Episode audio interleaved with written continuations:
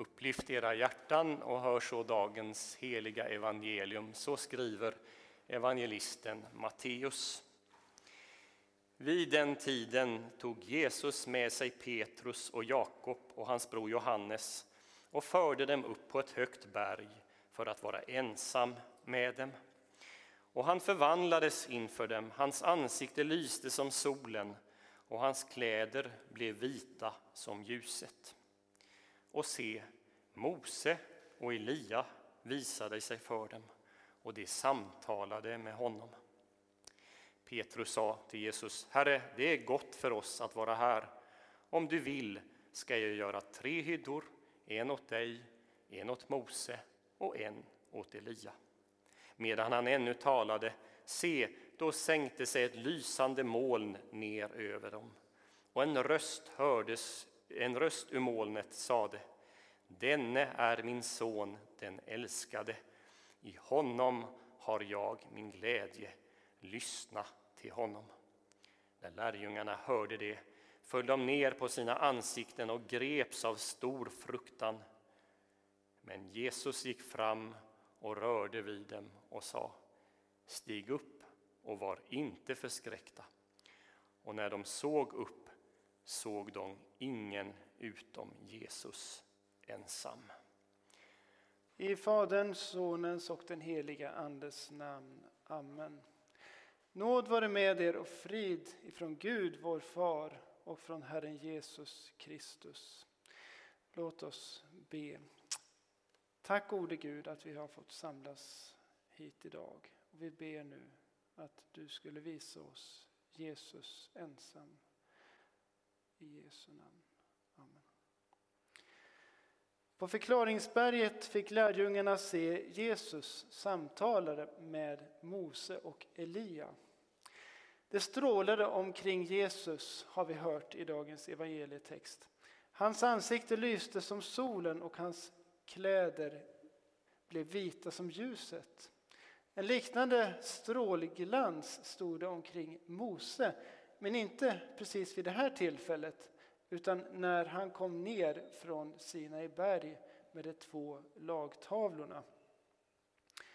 Jesus är den klara morgonstjärnan. Det vill han få vara för dig så att du får vandra i ljuset med honom. Och när den här stjärnan lyser så lyser det upp våra hjärtan. Och då vill Gud avslöja oss och han vill visa oss vem han är. Han vill visa oss både vår synd och den nåd som vi får äga i honom. Och för den här upplysningen använder Gud det som kallas för lag och evangelium, den, den lutherska förståelsen utav att Bibeln innehåller både lag och evangelium. I denna predikan så kommer jag nu att utgå ifrån den gammaltestamentliga texten som vi hörde från Andra Mosebok kapitel 34. Och det första vi ska stanna inför det är detta med att med det gamla förbundets härlighet uppenbarad genom Mose. Det gamla förbundets härlighet uppenbarad genom Mose. Mose han var på väg ner för Sina i berg och han hade med sig två lagtavlor. Den ena lagtavlan med de första tre buden handlar ju om relationen till Gud och den andra lagtavlan med de sju återstående buden om relationen till medmänniskan.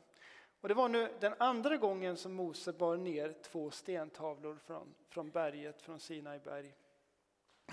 Den första gången hade det slutat på ett förfärligt sätt för att medan Mose var uppe på berget så hade folket blivit otåliga och de hade blivit ogudaktiga.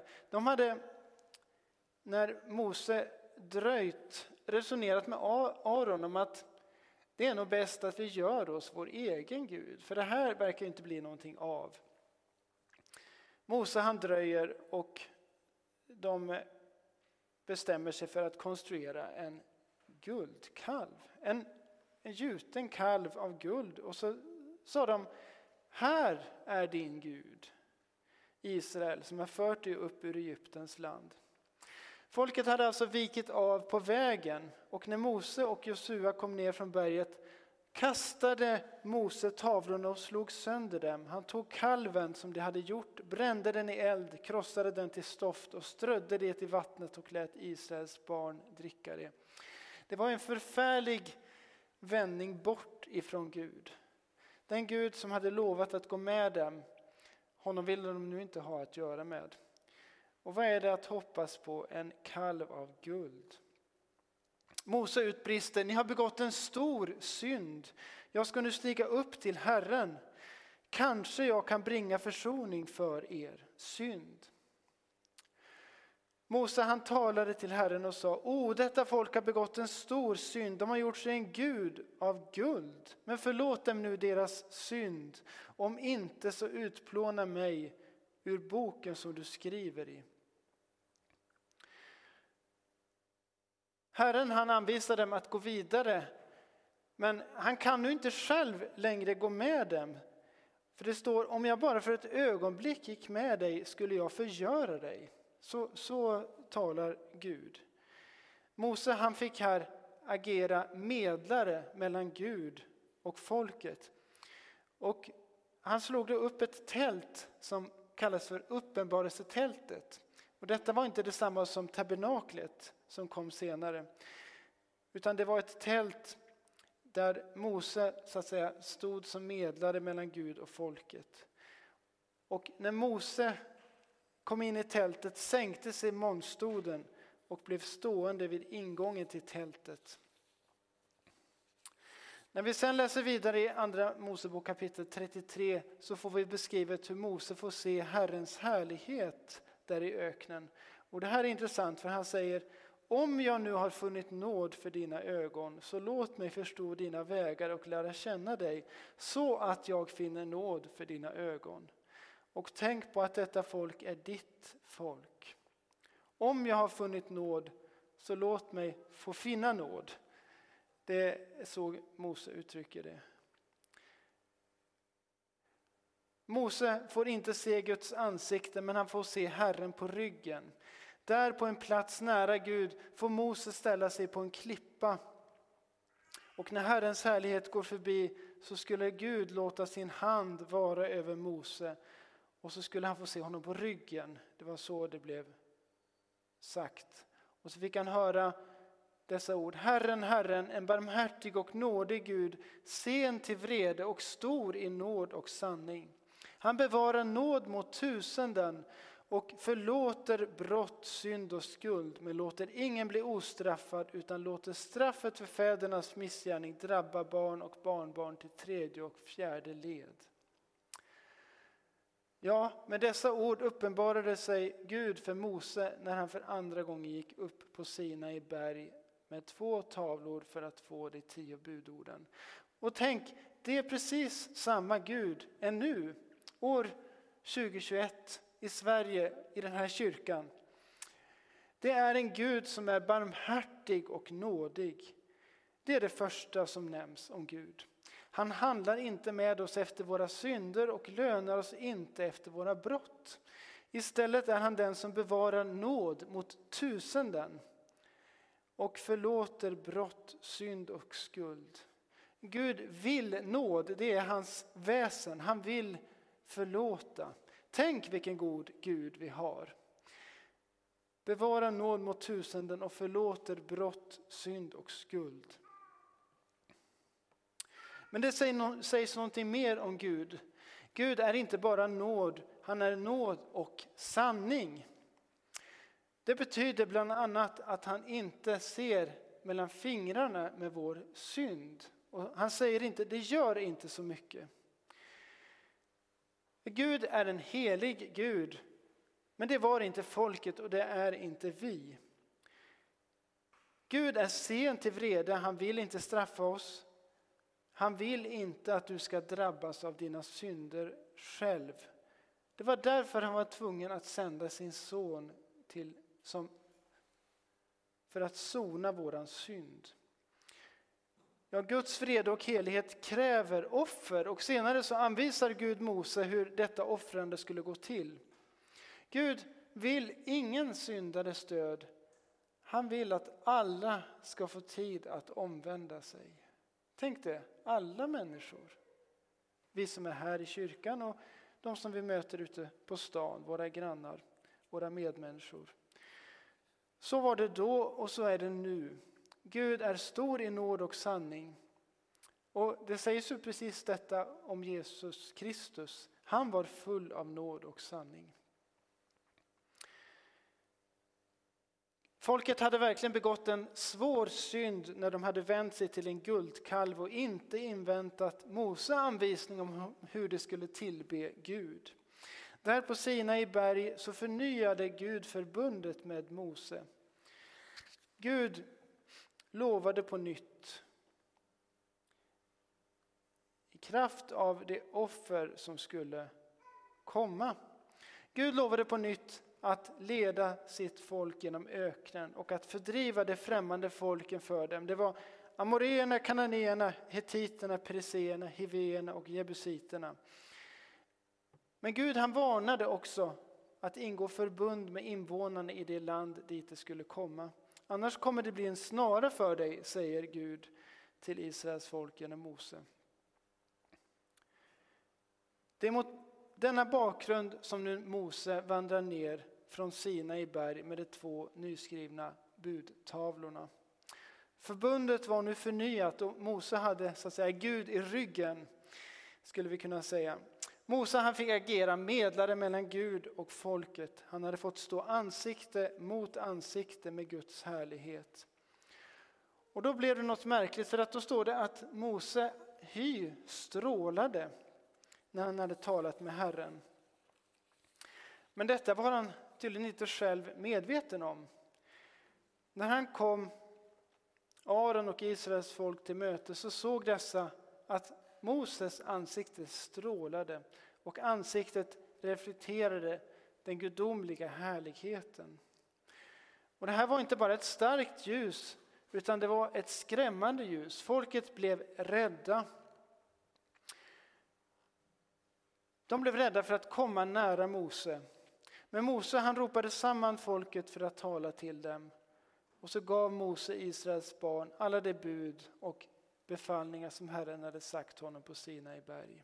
Och när han hade talat färdigt hängde han återigen en slöja för ansiktet. Folket kunde inte uthärda att se denna strålglans och jag ska snart komma in på orsaken till detta. Men varje gång Mose trädde fram inför Herrens ansikte för att tala med honom så tog han av sig slöjan och tills han kom ut igen. Och vi förstår här att Mose han var förtrogen med Gud. Och Gud hade uppenbarat sin härlighet för honom. Mose hade sett Gud, att Gud är full av nåd och sanning. Och så förmedlade han vidare till folket det han hade fått befallning om från Herren. Ja, Israels barn såg att Mose ansikte strålade men på något sätt så var de utanför det hela. De hade inte kommit in i den förtroliga gemenskapen med Gud, verkar det som när vi läser texten. Hur ska vi nu förstå detta? Ja, för att förstå den andliga innebörden av den här texten så ska vi nu gå till Andra Korintierbrevet. Och nu kommer jag in på predikans andra del. Det nya förbundets härlighet uppenbarad genom Jesus Kristus. Det är ämnet för den andra delen i min predikan. I kapitel 3 i andra Korintierbrevet talar aposteln Paulus om att Gud för oss ständigt fram i Kristi segertåg och sprider sin kunskapsdoft genom oss överallt. Vi är en Kristi väldoft inför Gud bland dem som blir frälsta och bland dem som går förlorade, skriver han. För några en doft av död till död, för andra en doft av liv till liv. I Kristus predikar vi, säger Paulus, med rent sinne inför Gud det som kommer från Gud. Men så bromsar han upp och ställer den retoriska frågan, börjar vi nu rekommendera oss själva igen? Ja, det fanns många villolärare på Paulus tid, liksom det finns idag. Och De utmärktes bland annat av att de samlade människor, inte omkring Jesus och hans försoning, utan omkring sig själva. De placerade sig själv och människan i centrum och evangeliet får inte plats då. Det blir inte ett sant Guds ord. Utan det blir människan i centrum. Börjar vi rekommendera oss själva, frågar Paulus. Behöver vi som vissa av dessa falska lärare använda rekommendationsbrev? Nej, och nu kommer det märkliga, för det står ni är vårt brev. Skrivet i våra hjärtan, känt och läst av alla människor. Det är uppenbart att ni är ett Kristusbrev skrivet genom vår tjänst. Inte med bläck utan med den levande Gudens ande, inte på tavlor av sten utan på tavlor av kött i era hjärtan. Andra Korinthierbrevet 3, vers 2-3. Det nya förbundets härlighet uppenbarad genom Jesus Kristus. Ja, det nya förbundets tjänare kommer inte ner från ett berg bärandes på lagens stentavlor. Nej, det kommer istället med brev. I deras hjärtan finns nämligen ett brev att läsa för den som är intresserad. Det brevet är inte skrivet med bläck utan med den levande Gudens ande. Och det är något märkligt med detta brev, för här får vi veta att det är känt och läst av alla människor. Det kristna är världens bibel. Så har det med rätta formulerats. Och påståendet har sin utgångspunkt just i dessa verser. Har du tänkt på det du som vandrar med Herren? Du är världens bibel.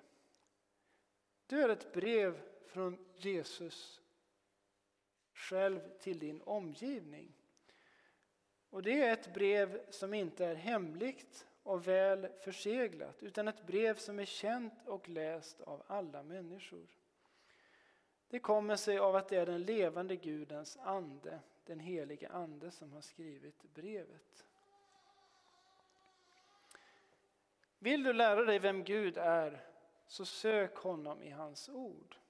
Men detta ord, Herrens ord, finns även i din kristna medmänniska, hos män och kvinnor, barn och vuxna och åldringar som lever med Herren, som brukar nådens medel, ordet, dopet och nattvarden. Trots alla deras fel och brister finns där ett Kristusbrev att läsa. Ta del av detta brev Lär dig om Herren genom din kristna medmänniska.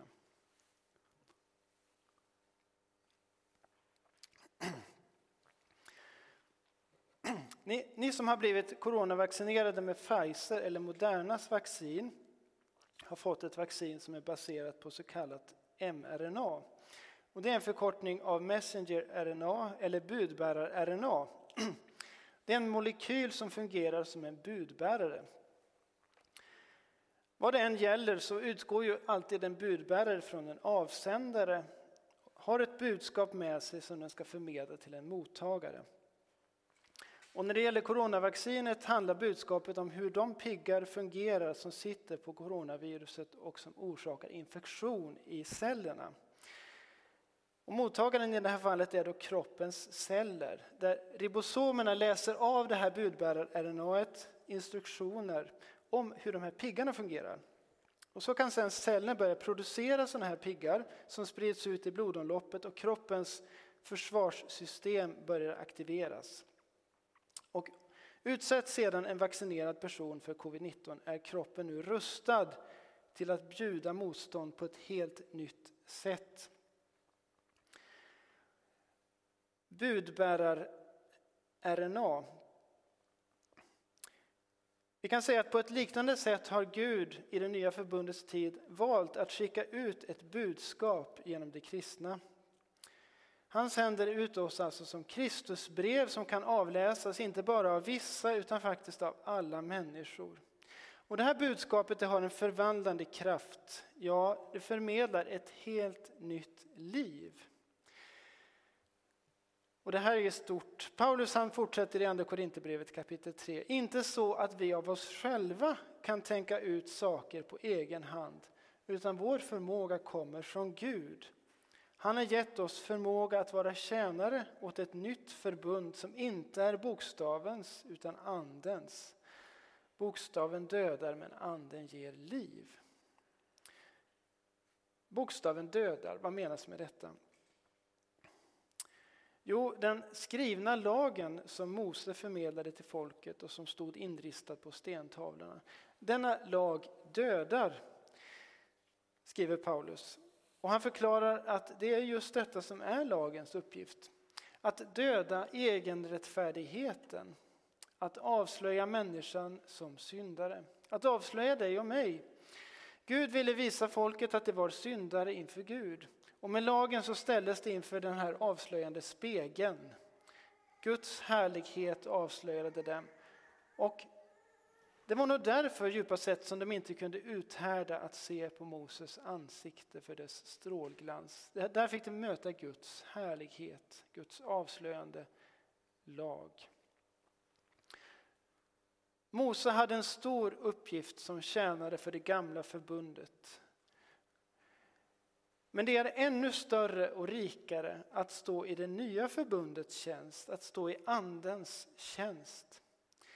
Paulus fortsätter att undervisa om detta och beskriver hur Moses tjänst och hans strålglans inte har någon härlighet jämfört med den överväldigande härligheten som vi har i Kristus. För om det som bleknade kom med härlighet, hur mycket större härlighet har då inte det som består? Andra Korinthierbrevet 3.11. Och vad är det då som består? Jag ska avslutningsvis stanna inför detta. Tre saker. För det första, ett hopp som håller inför evigheten. Det Jesus gjorde för dina synders skull när han dog på korset, det gäller ännu idag och det gäller dig och det gäller mig. Har du än fallit, hur du än har fallit, så gäller detta. Han har vunnit en evig återlösning åt dig, så som vi läser i Hebreerbrevet. Jesus gick inte in med bockars och kalvars blod i tabernaklet så som Mose senare gjorde. Nej, han gick in i själva himmelen. Här står han än idag för din skull och han är kvar där alla dagar och hans återlösning, hans försoning gäller för dig. Hur du än har fallit och hur du än har det. Du har ett hopp som håller inför evigheten. Det var det första som består. Ditt hopp inför evigheten.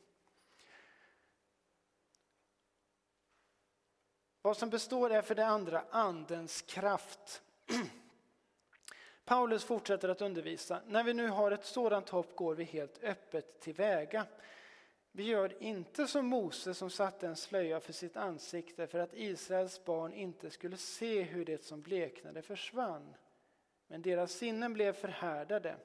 Än idag är samma slöja kvar när de läser det gamla förbundets skrifter och den lyfts inte bort, först i Kristus försvinner den. Ja, Andens kraft är verksam än idag och här och nu. Och människor kan därigenom bli avslöjade i dubbel mening. Det sker genom att den helige Ande visar på deras synd. Men det är inte nog för att bli avslöjad. Den helige Ande visar också på vad Kristus har gjort för dem. Och så står det att när någon omvänder sig till Herren tas slöjan bort så får de fullt ut se vad de äger i Kristus. Här får vi vara budbärare kristna budbärare av den helige Andes kraft till våra medmänniskor. Och det sista jag vill nämna om som består det är en pågående förvandling. En pågående förvandling. För det står så här att vi som med obeslöjat ansikte ser Herrens härlighet som i en spegel, vi förvandlas till en och samma bild, från härlighet till härlighet Det sker genom Herren, Anden. I sitt första brev undervisar aposteln Johannes om vad denna förvandling vill säga. När han skriver, se vilken kärlek Fadern har skänkt oss, att vi får kallas Guds barn, och det är vi också. Världen känner oss inte eftersom den inte har lärt känna honom. Mina älskade, nu är vi Guds barn och än är det inte uppenbarat vad vi ska bli, men vi vet att när han uppenbaras ska vi bli lika honom, för då får vi se honom sådan han är. Första Johannes 3. Ja, det kommer en dag när vi inte bara ska vara Kristusbrev utan då vi ska få bli fullkomligt lika Jesus. Det blir den dagen då vi får se honom i himmelen, sådan han är. Detta väntar vi på. Ja, låt oss längta efter detta. På förklaringsberget fick lärjungarna se Jesus samtala med Mose och Elia. Och det strålade omkring Jesus, de fick se honom förhärligad för sina ögon. Idag kallar Herren det nya förbundets tjänare att verka och han kallar dig in i denna tjänst. Låt din blick och våra blickar vila på Jesus, för i ordet har han stämt möte med dig dag efter dag, igen och igen. Och låt oss nu när restriktionerna släpper i ännu högre grad praktisera brödragemenskapen där vi möter kristna syskon som bär på ett brev ifrån Jesus själv. Kanske Gud vill säga något personligt just till mig eller dig genom denne broder eller syster. Amen.